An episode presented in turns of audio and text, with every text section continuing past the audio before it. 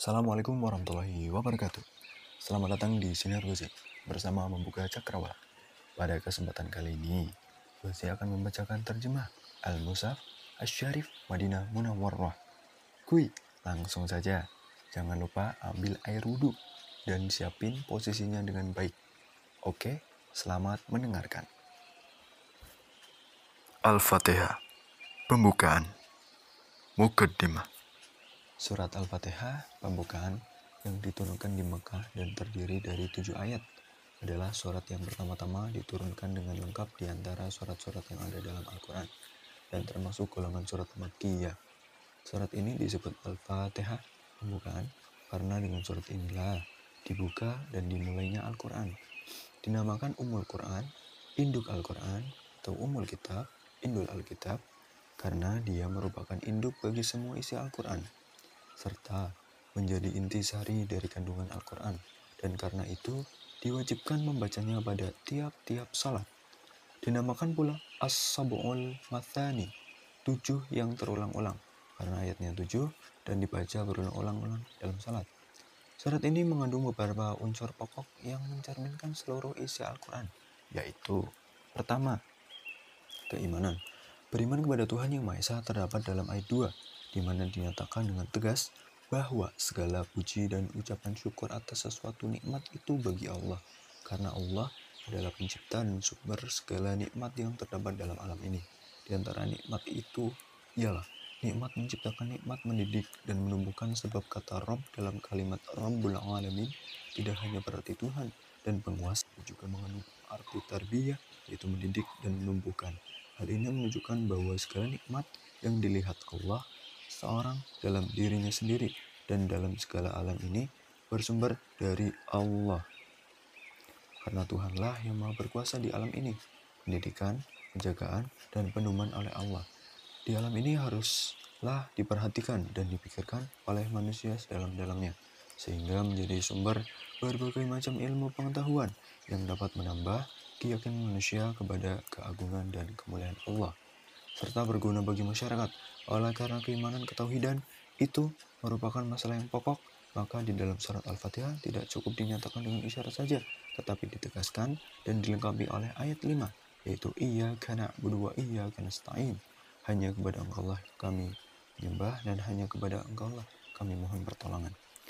Yang dimaksud dengan yang menguasai hari pembalasan, ialah pada hari itu Allah lah yang berkuasa segala sesuatu tunduk kepada kebesarannya sambil berharap nikmat dan takut kepada siksaannya. Hal ini mengandung janji untuk memberi pahala terhadap perbuatan yang baik dan ancaman terhadap perbuatan yang buruk. Ibadat yang terdapat pada ayat 5 semata-mata ditunjukkan kepada Allah. Selanjutnya lihat not 6. 2. Hukum-hukum Jalan kebahagiaan dan bagaimana seharusnya menempuh jalan itu untuk memperoleh kebahagiaan dunia dan akhirat. Maksud hidayah di sini ialah hidayah yang menjadi sebab dapatnya keselamatan, kebahagiaan dunia dan akhirat, baik yang mengenai keyakinan maupun akhlak, hukum-hukum, dan pelajaran. Tiga, kisah-kisah. Kisah para nabi dan kisah orang-orang dahulu yang menentang Allah. Sebagian besar dari ayat Al-Quran membuat kisah-kisah para nabi dan kisah orang-orang terdahulu yang menentang Allah. Yang dimaksud dengan orang yang diberi nikmat dalam ayat ini ialah para nabi, para siddiqin, orang-orang yang sungguh-sungguh beriman, syuhada, orang-orang yang mati syahid, salihin, orang-orang yang saleh, orang-orang yang dimurkai, dan orang-orang yang sesat ialah golongan yang menyimpang dari ajaran Islam. Al-Fatihah Surat pertama Sampai surat ketujuh Juz pertama Satu dengan menyebut nama Allah yang maha pemurah lagi maha penyayang. Dua, segala puji bagi Allah, Tuhan semesta alam. Tiga, maha pemurah lagi maha penyayang. Empat, yang menguasai hari pembalasan. Lima, hanya kepada engkaulah kami menyembah, dan hanya kepada engkaulah kami mohon pertolongan. Enam, tunjukilah kami jalan yang lurus. Tujuh, yaitu jalan-jalan orang yang telah engkau anugerahkan nikmat kepada mereka, bukan jalan mereka yang dimurkai, Yahudi, dan bukan pula jalan mereka yang sesat, Nasrani. Penutup, surat Al-Fatihah ini melengkapi unsur-unsur pokok syariat Islam, kemudian dijelaskan perinciannya oleh ayat-ayat Al-Quran yang 113 surat berikutnya. Persesuaian surat ini dengan surat Al-Baqarah dan surat-surat sesudahnya ialah surat Al-Fatihah merupakan titik-titik pembahasan yang akan diperinci dalam surat Al-Baqarah dan surat-surat sesudahnya. Di bagian akhir surat Al-Fatihah disebutkan permohonan hamba supaya diberi petunjuk oleh Allah ke jalan yang lurus. Sedang surat Al-Baqarah dimulai dengan penunjukan Alkitab, Al-Quran yang sempurna sebagai pedoman menuju jalan yang dimaksudkan itu. Masuk ke surat kedua, Al-Baqarah, arti sapi muqaddimah. Surat Al-Baqarah yang terdiri dari 286 ayat ini turun di Madinah yang sebagian besar diturunkan pada permulaan tahun Hijrah, kecuali ayat 281 diturunkan di Mina pada Haji Wadda Haji Nabi Muhammad Sallallahu Alaihi Wasallam yang terakhir. Seluruh ayat dari surat Al-Baqarah termasuk golongan Madaniyah merupakan surat yang terpanjang di antara surat-surat Al-Quran yang di dalamnya terdapat pula ayat yang terpanjang, ayat 282. Surat ini dinamai Al-Baqarah karena di dalamnya disebutkan kisah penyembelihan sapi betina yang diperintahkan Allah kepada Bani Israel ayat 67 sampai dengan 74 di mana dijelaskan watak orang Yahudi pada umumnya dinamai dan Al-Baqarah ini dinamai Fustatul Quran, puncak Al-Quran karena memuat beberapa hukum yang tidak disebutkan dalam surat yang lain. Dinamai juga surat Alif Lam Mim karena surat ini dimulai dengan Alif Lam Mim. Pokok-pokok isinya satu keimanan, dakwah Islamiyah yang dihadapkan kepada umat Islam, ahli kitab, dan para musyrikin. Dua, hukum-hukum. Perintah mengerjakan sholat, menunaikan zakat, hukum puasa, hukum haji, dan umrah, hukum kisos, hal-hal yang halal dan yang haram, bernafkah di jalan Allah, hukum Arab dan judi, cara menyantuni anak yatim, larangan riba, hutang piutang, nafkah, dan yang berhak menerimanya, wasiat kepada dua orang ibu bapak dan kaum kerabat, hukum sumpah, kewajiban menyampaikan amanat, sihir, hukum merusak masjid, hukum merubah kitab-kitab Allah, hukum haid, iddah, talak, hulu, ila, dan hukum susuan, hukum melamar, mahar, larangan mengawini wanita musyrik, dan sebaliknya, hukum perang. Tiga, Kisah-kisah. Kisah penciptaan Nabi Adam alaihissalam, kisah Nabi Ibrahim alaihissalam, kisah Nabi Musa alaihissalam dengan Bani Israel, dan lain-lain. Sifat-sifat orang yang bertakwa, sifat-sifat orang munafik, sifat-sifat Allah, perumpamaan-perumpamaan, kiblat, kebangkitan sesudah mati. Al-Baqarah, surat kedua, 286 ayat. Judul Dengan menyebut nama Allah yang maha pemurah lagi maha penyayang. Tiga golongan manusia dalam menghadapi Al-Quran. Pertama, golongan Muslim. Ayat 1. Alif Lam Mim ialah huruf-huruf abjad yang terletak pada permulaan sebagian dari surat-surat Al-Quran seperti Alif Lam Mim 2. Ayat 2 Kitab Al-Quran ini tidak ada keraguan padanya, petunjuk bagi mereka yang bertakwa. Ketiga, yaitu mereka yang beriman kepada yang goib, yang mendirikan salat dan menafkahkan sebagian rezeki yang kami anugerahkan kepada mereka. 4. Dan mereka yang beriman kepada kitab Al-Quran yang telah diturunkan kepadamu dan kitab-kitab yang telah diturunkan sebelummu, serta mereka yakin akan adanya kehidupan akhirat. 5. Mereka itulah yang tetap mendapat petunjuk dari Tuhan mereka, dan mereka orang-orang yang beruntung. Judul Golongan Kafir Ayat 6 Sesungguhnya orang-orang kafir sama saja bikin mereka. Kamu beri peringatan atau tidak, kamu beri peringatan, mereka tidak akan beriman. 7. Allah telah mengunci mati, hati, dan pendengaran mereka, dan peringatan mereka ditutup, dan bagi mereka siksa yang amat berat. Judul Golongan Munafik Ayat 8 Di antara manusia ada yang mengatakan, kami beriman kepada Allah dan hari kemudian. Padahal mereka itu sesungguhnya bukan orang-orang yang beriman. 9 mereka hendak menipu Allah dengan orang-orang yang beriman. Padahal mereka hanya menipu dirinya sendiri, sedangkan mereka tidak sadar. 10. Dalam hati mereka ada penyakit, lalu ditambah Allah penyakitnya, dan bagi mereka siksa yang pedih disebabkan mereka berdusta. 11. Dan bila dikatakan kepada mereka, Janganlah kamu membuat kerusakan di muka bumi. Mereka menjawab, Sesungguhnya kami, orang-orang yang mengadakan perbaikan. 12.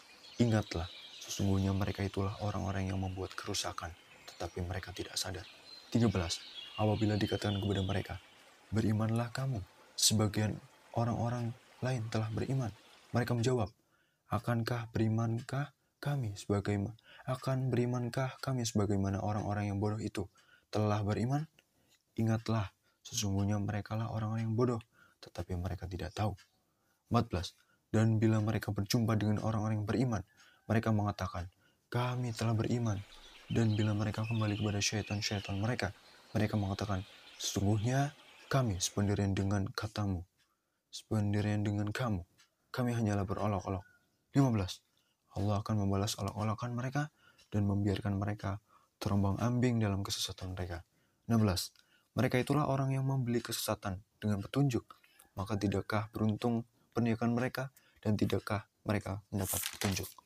17. Perumpamaan mereka adalah seperti orang yang menyalakan api. Maka setelah api itu menerangi sekelilingnya, Allah hilangkan cahaya yang menyinari mereka dan membiarkan mereka dalam kegelapan tidak dapat melihat. 18 mereka tuli, bisu, dan buta, maka tidaklah mereka akan kembali ke jalan yang benar. 19. Atau seperti orang-orang yang ditimpa hujan lebat dari langit disertai gelap gulita, guru, dan kilat. Mereka menyumbat telinganya dengan anak jarinya karena mendengar suara petir sebab takut akan mati dan Allah meliputi orang-orang yang kafir. 20. Hampir-hampir kilat itu menyambar penglihatan mereka. Setiap kali kilat itu menyinari mereka, mereka berjalan di bawah sinar itu, dan bila gelap menimpa mereka, mereka berhenti. Jikalau Allah mengendaki, niscaya Dia melenyapkan pendengaran dan penglihatan mereka. Sesungguhnya Allah berkuasa atas segala sesuatu. Judul: Keesaan dan Kekuasaan Tuhan. Subjudul: Perintah menyembah Tuhan yang Maha Esa. Ayat 21. Hai manusia, sembahlah Tuhanmu yang telah menciptakanmu dan orang-orang yang sebelummu, agar kamu bertakwa. 22. Dialah menjadikan bumi sebagai hamparan bagimu dan langit sebagai atap dan dia menurunkan air hujan dari langit lalu dia menghasilkan dengan hujan itu segala buah-buahan sebagai rezeki untukmu. Karena itu janganlah kamu mengadakan sekutu-sekutu bagi Allah padahal kamu mengetahui. Subjudul Tantangan kepada kaum musyrikin mengenai Al-Quran Ayat 23 Dan jika kamu tetap dalam keraguan tentang Al-Quran, yang kami wahyukan kepada hamba kami Muhammad, buatlah satu surat saja yang semisal Al-Quran itu dan ajaklah penolong-penolongmu selain Allah jika kamu orang-orang yang benar. 24. Maka jika kamu tidak dapat membuatnya dan pasti kamu tidak akan dapat membuatnya, peliharalah dirimu dari neraka yang bahan bakarnya manusia dan batu yang disediakan bagi orang-orang kafir. Subjudul Balasan terhadap orang-orang yang beriman Ayat 25 Dan sampaikanlah berita gembira kepada mereka Dan sampaikanlah berita gembira kepada mereka Yang beriman dan berbuat baik Bahwa bagi mereka disediakan surga-surga yang mengalir sungai-sungai di dalamnya Setiap mereka diberi rezeki buah-buahan dalam surga-surga itu Mereka mengatakan inilah yang pernah diberikan kepada kami dahulu mereka diberi buah-buahan yang serupa dan untuk mereka di dalamnya ada istri-istri yang suci dan mereka kekal di dalamnya. Subjudul Perumpamaan-perumpamaan dalam Al-Quran dan hikmah-hikmahnya. Ayat 26 Sesungguhnya Allah ada segan membuat perumpamaan berupa nyamuk atau yang lebih rendah dari itu. Adapun orang-orang yang beriman, maka mereka yakin bahwa perumpamaan itu benar dari Tuhan mereka tetapi mereka yang kafir mengatakan, apakah maksud Allah menjadikan ini untuk perumpamaan? Dengan perumpamaan itu banyak orang yang disesatkan Allah. Dan dengan perumpamaan itu pula banyak orang yang diberinya petunjuk. Dan tidak ada yang disesatkan Allah kecuali orang-orang yang fasik.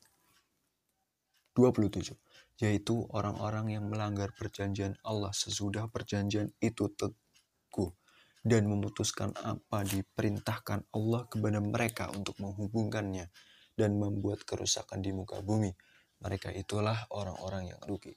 Subjudul Bukti-bukti kekuasaan Allah Ayat 28 Mengapa kamu kafir kepada Allah, padahal kamu tadinya mati, lalu Allah menghidupkan kamu, kemudian kamu dimatikan dan hidupannya kembali, kemudian kepadanya lah kamu dikembalikan? 29. Dialah Allah yang menjadikan segala yang ada di bumi untuk kamu, dan dia berkehendak menuju langit, lalu dijadikannya tujuh langit, dan dia maha mengetahui segala sesuatu. Subjudul Penciptaan manusia dan penguasaannya di bumi Ayat 30 Ingatlah ketika Tuhanmu berfirman kepada para malaikat, Sesungguhnya aku hendak menjadikan seorang khalifah di muka bumi. Mereka berkata, Mengapa engkau hendak menjadikan khalifah di muka bumi itu? Orang yang akan membuat kerusakan padanya dan menumpahkan darah. Padahal kami senantiasa bertasbih dengan memuji engkau dan mensucikan engkau. Tuhan beriman. Sesungguhnya aku mengetahui apa yang tidak kamu ketahui. 31. Dan dia mengajarkan kepada Adam nama-nama benda-benda seluruhnya, kemudian mengemukakannya kepada para malaikat, lalu berfirman, Sebutkanlah kepadaku nama benda-benda itu jika kamu memang orang-orang yang benar. 32. Mereka menjawab, Maha suci engkau, tidak ada yang kami ketahui selain dari apa yang telah engkau ajarkan kepada kami. Sesungguhnya engkaulah yang maha mengetahui, lagi maha bijaksana. 33. Allah berfirman, Hai Adam, beritahukanlah kepada mereka nama-nama benda ini.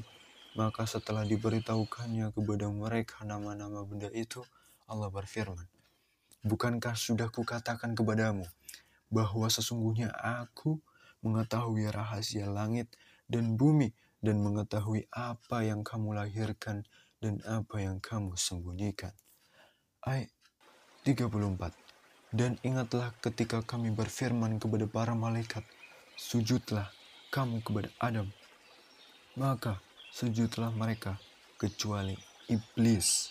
Ia enggan dan takabur, dan adalah ia termasuk golongan orang-orang yang kafir. 35. Dan kami berfirman, Hai Adam, Hai Adam, dia ambillah oleh kamu dan istrimu surga ini, dan makanlah makanan-makanannya yang banyak lagi baik di mana saja yang kamu sukai, dan janganlah kamu dekati pohon ini yang menyebabkan kamu termasuk orang-orang yang zalim. 36. Lalu keduanya digelincirkan oleh syaitan dari surga itu dan dikeluarkan dari keadaan semula. Dan kami berfirman, turunlah kamu. Sebagian kamu menjadi musuh bagi yang lain. Dan bagi kamu ada tempat kediaman di bumi dan kesenangan hidup sampai waktu yang ditentukan. 37. Kemudian Adam menerima beberapa kalimat dari Tuhannya. Maka Allah menerima taubatnya. Sesungguhnya Allah maha penerima taubat lagi maha penyayang. 38.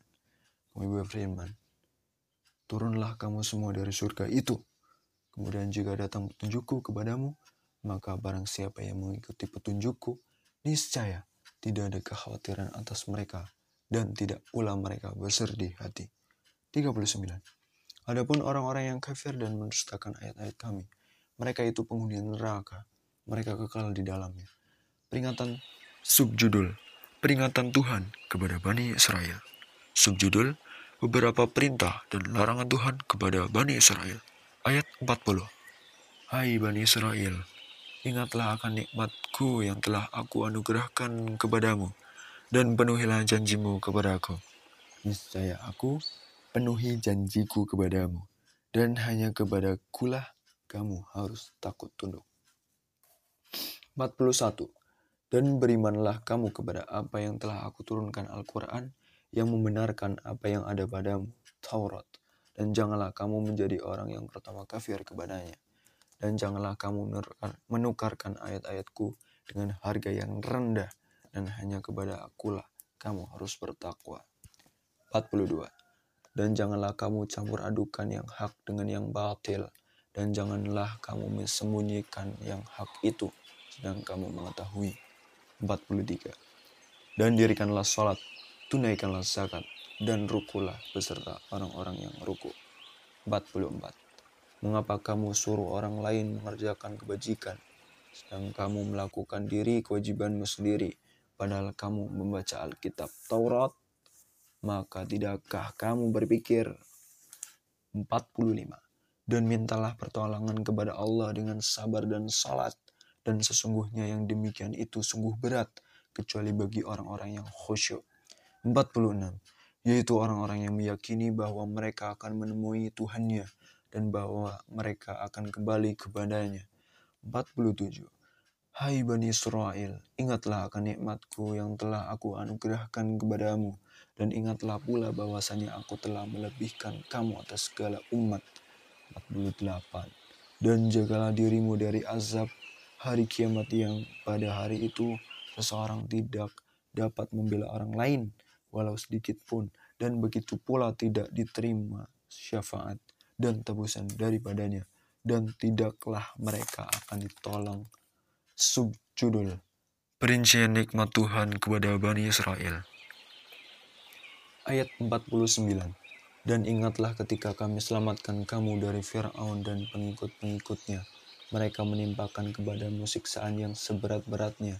Mereka menyembelih anak-anakmu yang laki-laki dan membiarkan hidup anak-anakmu yang perempuan.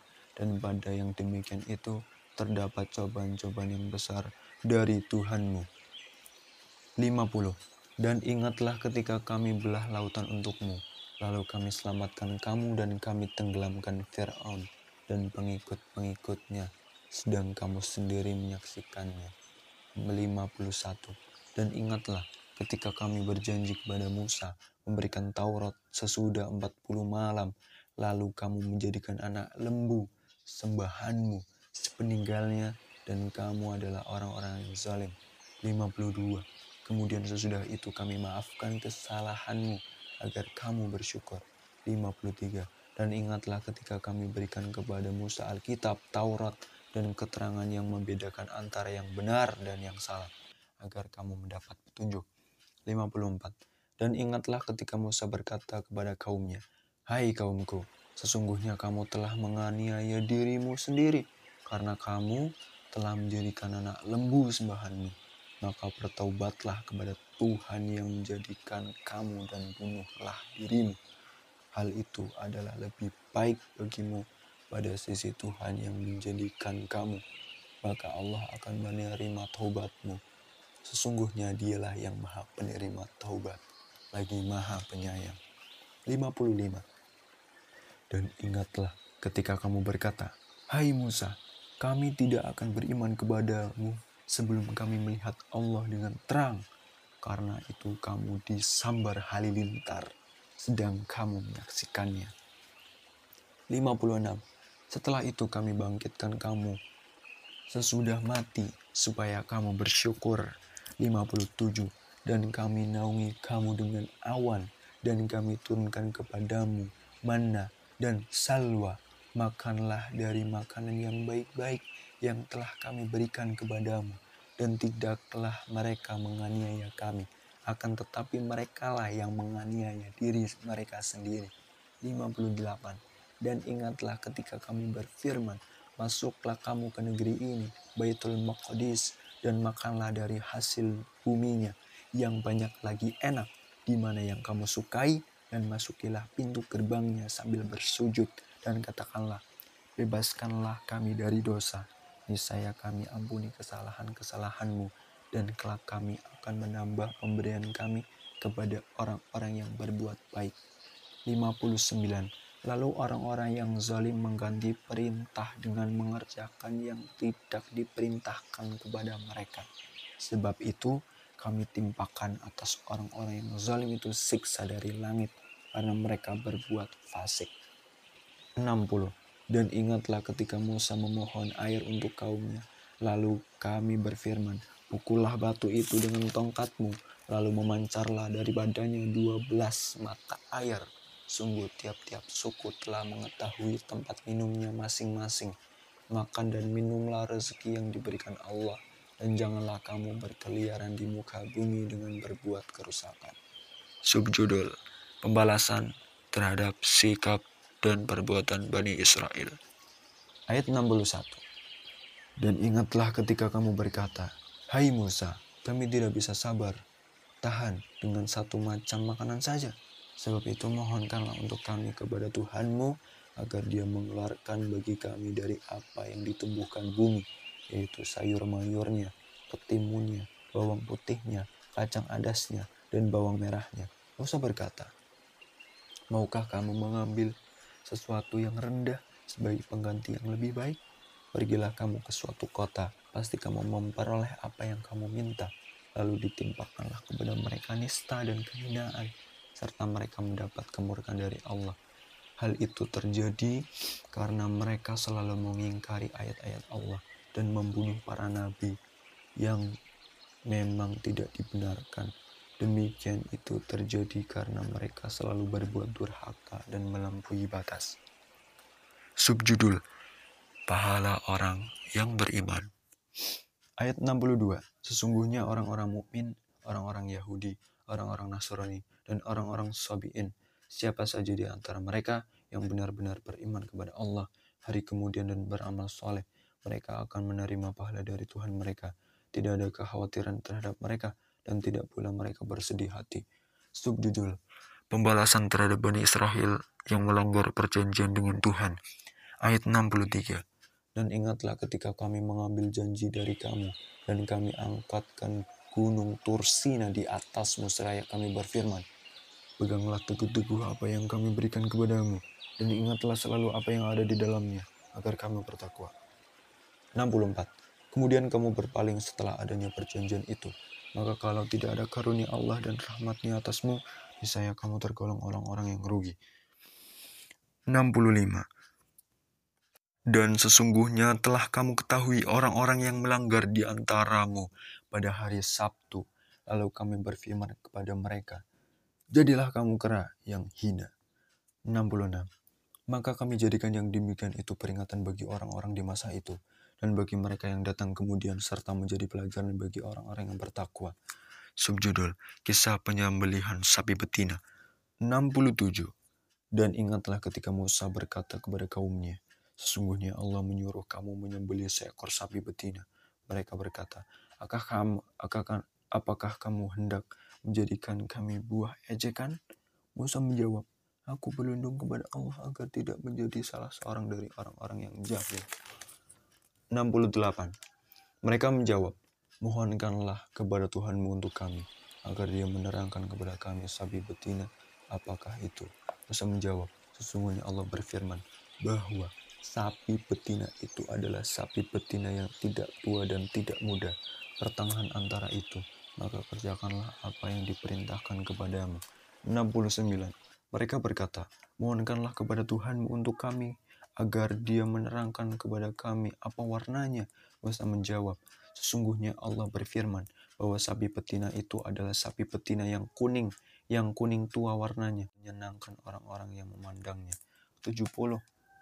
Mereka berkata, mohonkanlah kepada Tuhanmu untuk kami, agar dia menerangkan kepada kami bagaimana hakikat sapi betina itu, karena sesungguhnya sapi itu masih samar bagi kami, dan sesungguhnya kami insya Allah akan mendapat petunjuk untuk memperoleh sapi itu. 71.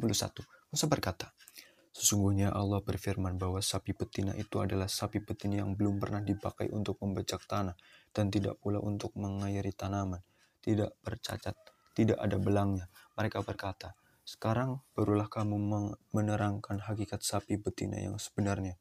Kemudian mereka menyembelihnya dan hampir saja mereka tidak melaksanakan perintah itu. 72. Dan ingatlah ketika kamu membunuh seorang manusia, lalu kamu saling tuduh-menuduh tentang itu, dan Allah hendak menyingkapkan apa yang selama ini kamu sembunyikan. 73. Lalu kami berfirman, pukullah mayat itu dengan se kebahagiaan anggota sapi betina itu. Demikianlah Allah menghidupkan kembali orang-orang yang telah mati dan memperlihatkan padamu tanda-tanda kekuasaannya agar kamu mengerti. 74. Kemudian setelah itu hatimu menjadi keras seperti batu, bahkan lebih keras lagi.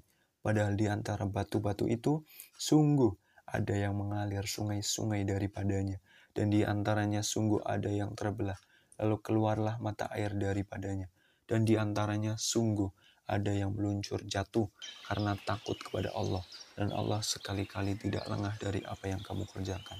Subjudul Keimanan orang Yahudi sukar diharapkan di masa Rasulullah Shallallahu Alaihi Wasallam. Ayat 75 Apakah kamu masih mengharapkan mereka akan percaya kepadamu, padahal segolongan dari mereka mendengar firman Allah, lalu mereka mengubahnya setelah mereka memahaminya, sedang mereka mengetahui 76. Dan apabila mereka berjumpa dengan orang-orang yang beriman, mereka berkata, kami pun telah beriman, tetapi apabila mereka berada sesama mereka saja, lalu mereka berkata, apakah kamu menceritakan kepada mereka? Apakah kamu menceritakan kepada mereka, orang-orang mukmin, apa yang telah diterangkan Allah kepadamu, supaya dengan demikian mereka dapat mengalahkan hujahmu di hadapan Tuhanmu. Tiga, tidakkah kamu mengerti? 77. Tidakkah mereka mengetahui bahwa Allah mengetahui segala yang mereka sembunyikan dan segala yang mereka nyatakan? 78. Dan di antara mereka ada yang buta huruf, tidak mengetahui Alkitab Taurat, kecuali dongengan bohong belaka, dan mereka hanya menduga-duga. 79. Maka kecelakaan yang besarlah bagi orang-orang yang menulis Alkitab dengan tangan mereka sendiri. Lalu dikatakannya, ini dari Allah, dengan maksud untuk memperoleh keuntungan yang sedikit dengan perbuatan itu maka kecelakaanlah besarlah bagi mereka akibat dari apa yang ditulis oleh tangan mereka sendiri dan kecelakaan besarlah bagi mereka akibat dari apa yang mereka kerjakan. 80. Dan mereka berkata, kami sekali-kali tidak akan disentuh oleh api neraka kecuali selama beberapa hari saja. Katakanlah, sudahkah kamu menerima janji dari Allah sehingga Allah tidak akan memungkiri janjinya? Ataukah kamu hanya mengatakan terhadap Allah apa yang tidak kamu ketahui. 81. Bukan demikian yang benar. Barang siapa berbuat dosa dan ia telah diliputi oleh dosanya, mereka itulah penghuni neraka. Mereka kekal di dalamnya. 82. Dan orang-orang yang beriman serta beramal soleh, mereka itu penghuni surga. Mereka kekal di dalamnya. Subjudul Bani Israel mengingkari janjinya dengan Allah. Ayat 83. Dan ingatlah ketika kami mengambil janji dari Bani Israel yaitu janganlah kamu menyembah selain Allah dan berbuat baiklah kepada ibu bapak, kaum kerabat, anak-anak yatim, dan orang-orang miskin, serta ucapkanlah kata-kata yang baik kepada manusia, dirikanlah sholat, dan tunaikanlah zakat. Kemudian kamu tidak memenuhi janji itu, kecuali sebagian kecil daripada kamu, dan kamu selalu berpaling.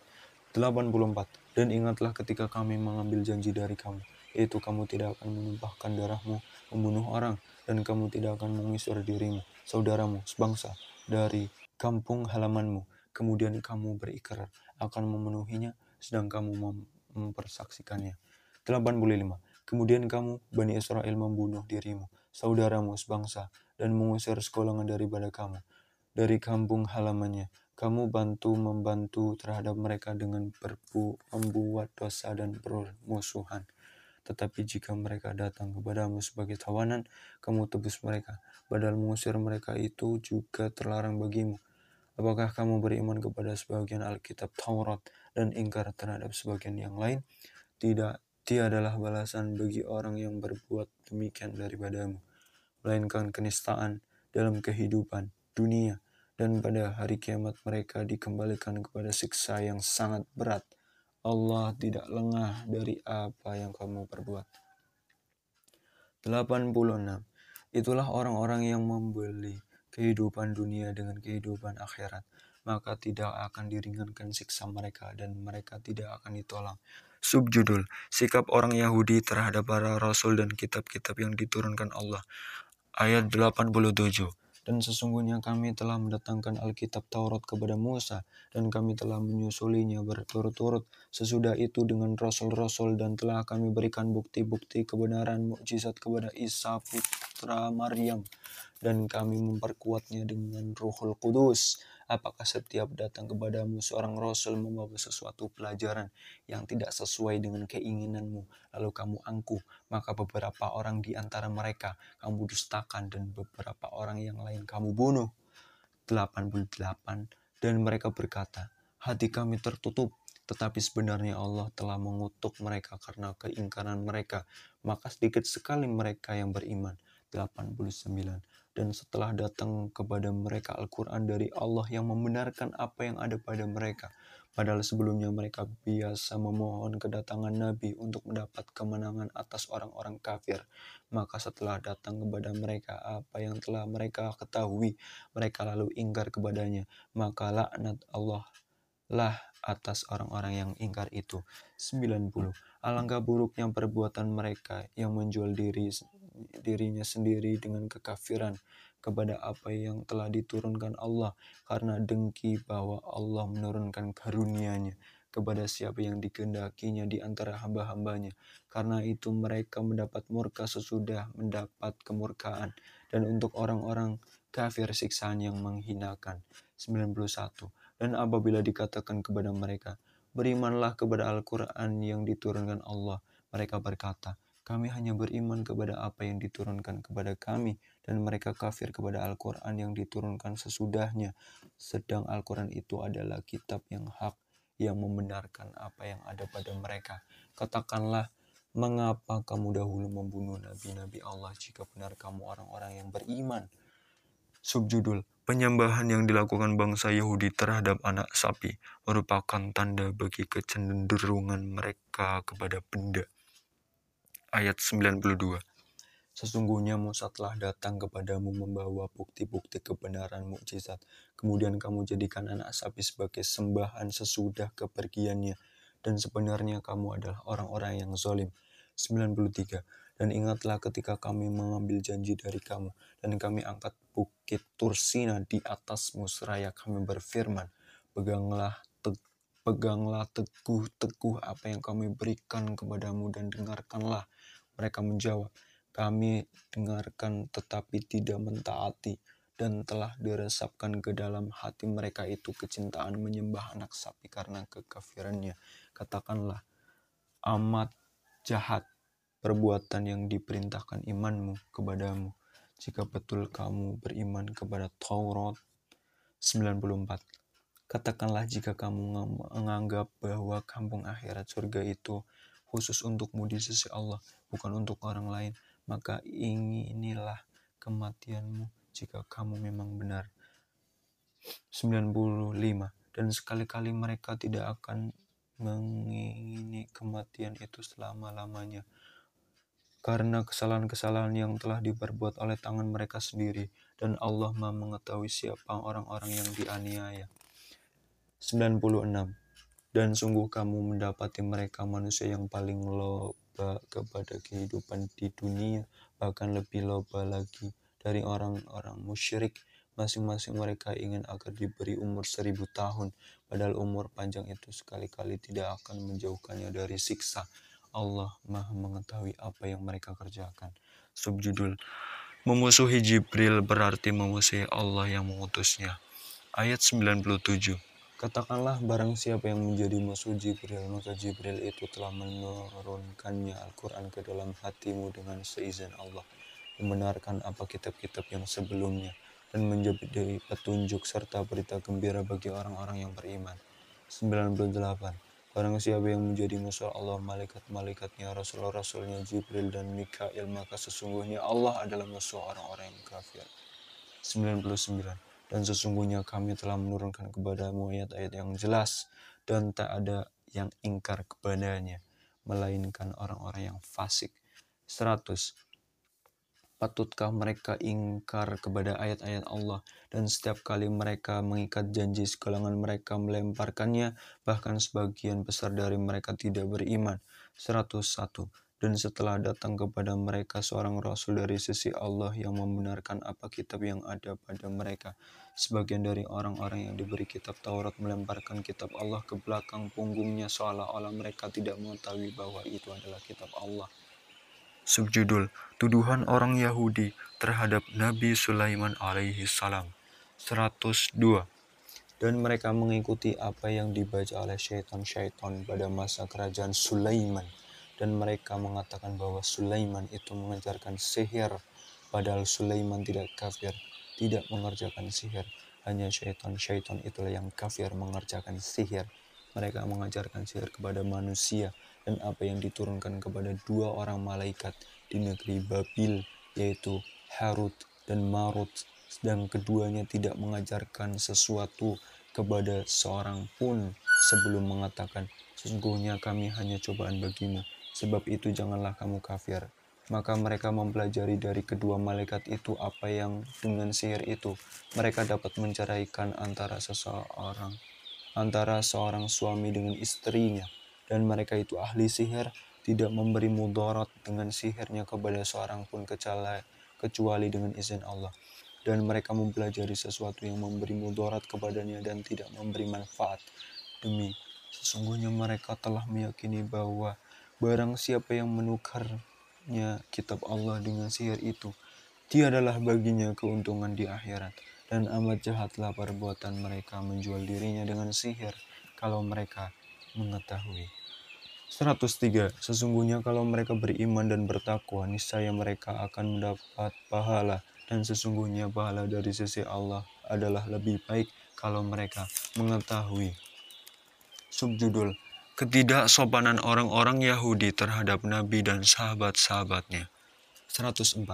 Hai orang-orang yang beriman, janganlah kamu katakan kepada Muhammad, Ra'ina, tetapi katakanlah, Ungdurna, dan dengarlah dan bagi orang-orang kafir siksaan yang pedih.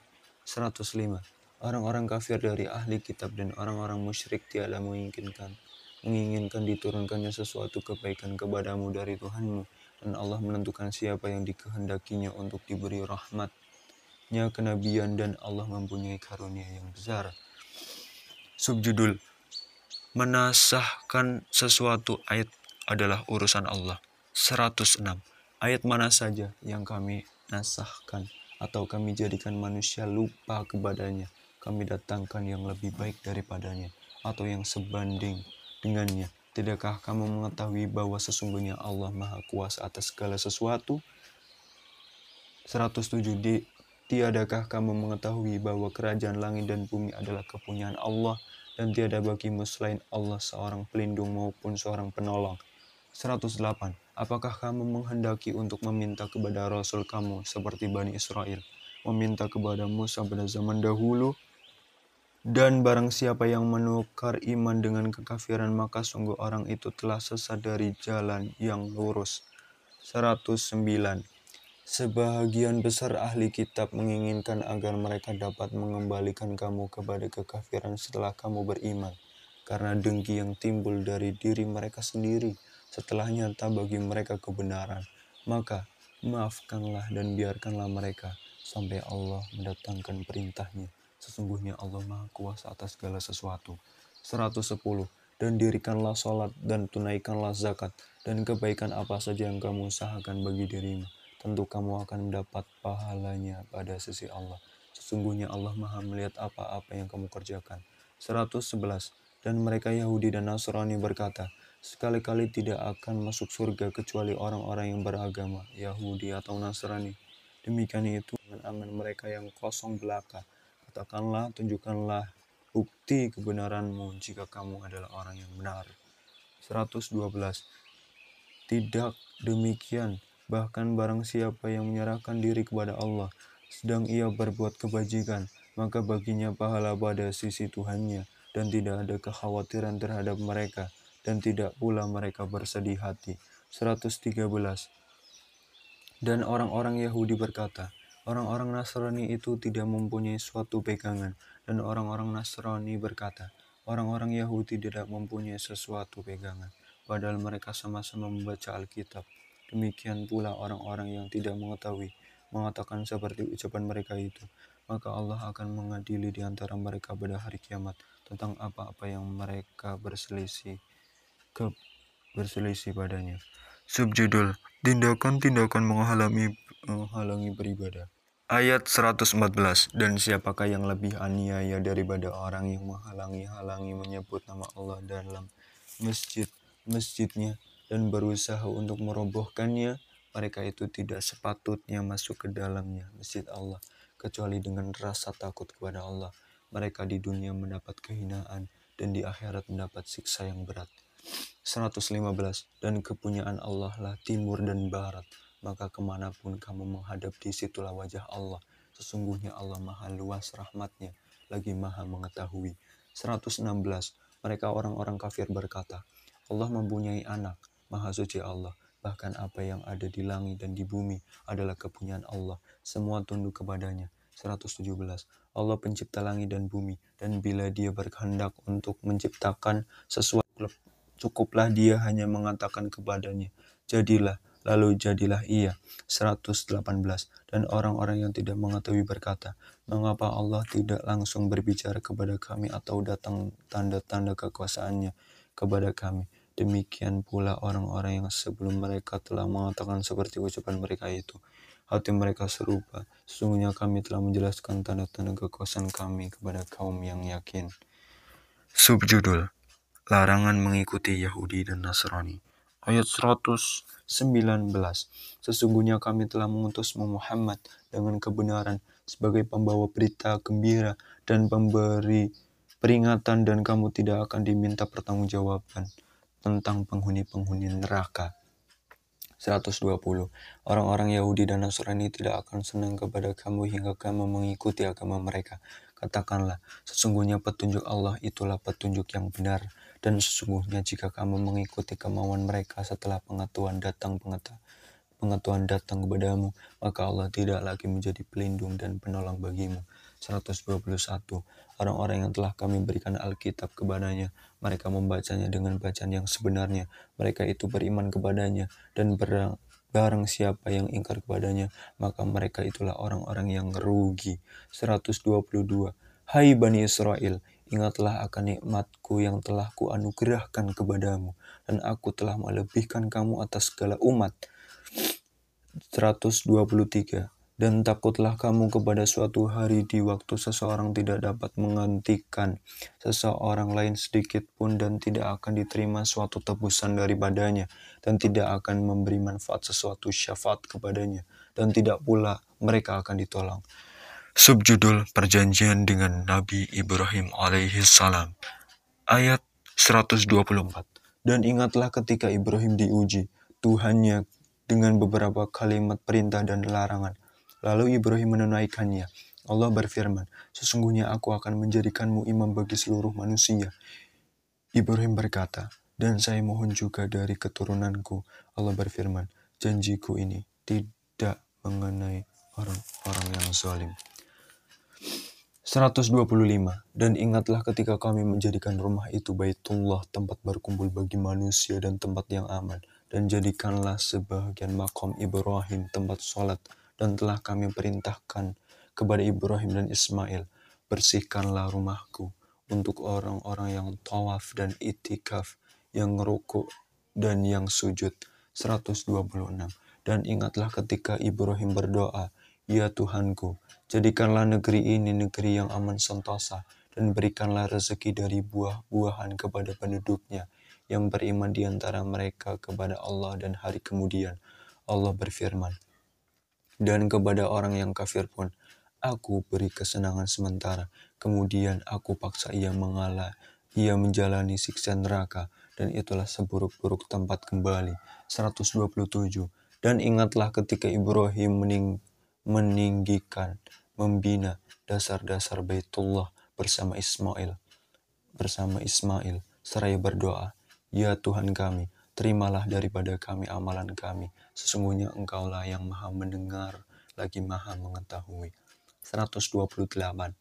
Ya Tuhan kami, jadikanlah kami berdua orang yang tunduk patuh kepada Engkau, dan jadikanlah di antara anak cucu kami umat yang tunduk patuh kepada Engkau, dan tunjukkanlah kepada kami cara-cara dan tempat-tempat ibadat haji kami, dan terimalah taubat kami. Sesungguhnya Engkaulah yang maha penerima taubat lagi maha penyayang.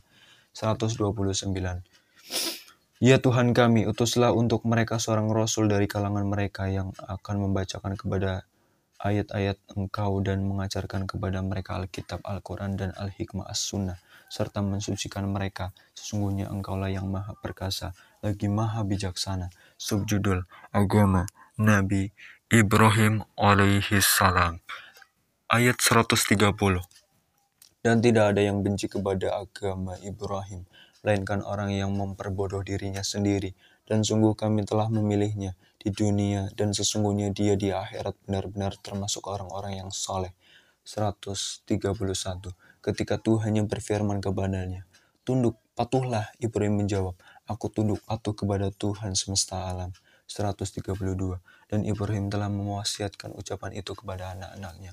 Demikian pula Yakub. Ibrahim berkata, Hai anak-anakku, sesungguhnya Allah telah memilih agama ini bagimu, maka janganlah kamu mati kecuali dalam memeluk agama Islam. 133. Adakah kamu hadir ketika Yakub kedatangan tanda-tanda maut ketika ia berkata kepada anak-anaknya, "Apa yang kamu sembah sepeninggalku?" Mereka menjawab, "Kami akan menyembah Tuhanmu dan Tuhan nenek moyangmu, Ibrahim, Ismail, dan Ishak, yaitu Tuhan yang Maha Esa, dan kami hanya tunduk patuh kepadanya." 134. Itu adalah umat yang lalu, baginya apa yang telah diusahakannya dan bagimu apa yang sudah kamu usahakan dan kamu tidak akan diminta pertanggungjawaban tentang apa yang telah mereka kerjakan. 135 dan mereka berkata hendaklah kamu menjadi penganut agama Yahudi atau Nasrani. Niscaya kamu mendapat petunjuk. Katakanlah tidak bahkan kami mengikuti agama Ibrahim yang lurus dan bukanlah dia Ibrahim dari golongan orang musyrik. 136. Katakanlah, hai orang-orang mukmin, kami beriman kepada Allah dan apa yang diturunkan kepada kami dan apa yang diturunkan kepada Ibrahim, Ismail, Ishak, Yakub dan anak cucunya dan apa yang diberikan kepada Musa dan Isa serta apa yang diberikan kepada nabi-nabi dari Tuhannya.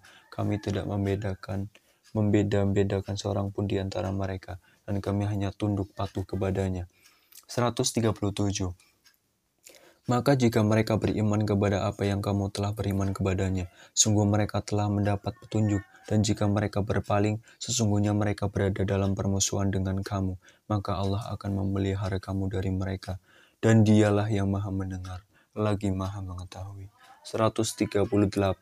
Sibghah Allah, dan siapakah yang lebih baik sibghahnya daripada Allah, dan hanya kepadanya lah kami menyembah. 139. Katakanlah, kamu memperdebatkan dengan kami tentang Allah, padahal dia adalah Tuhan kami dan Tuhan kamu. Bagi kami amalan kami, bagi kamu amalan kamu, dan hanya kepadanya kami mengikhlaskan hati. 140. Ataukah kamu, hai orang-orang Yahudi dan Nasrani, mengatakan bahwa Ibrahim, Ismail, Ishak, Yakub, dan anak cucunya adalah penganut agama Yahudi atau Nasrani, katakanlah, apakah kamu yang lebih mengetahui ataukah Allah dan siapakah yang lebih zalim daripada orang yang menyembunyikan syahadah dari Allah yang ada padanya dan Allah sekali-kali tiada lengah dari apa yang kamu kerjakan. 141. Itu adalah umat yang telah lalu, baginya apa yang diusahakannya, dan bagimu apa yang kamu usahakan, dan kamu tidak akan diminta pertanggungjawaban tentang apa yang telah mereka kerjakan. Demikian pembacaan terjemah dari Al-Musaf Asy-Syarif Madinah Munawarah pada bagian ini. Jazakumullah khair telah mendengarkan. Wassalamualaikum warahmatullahi wabarakatuh.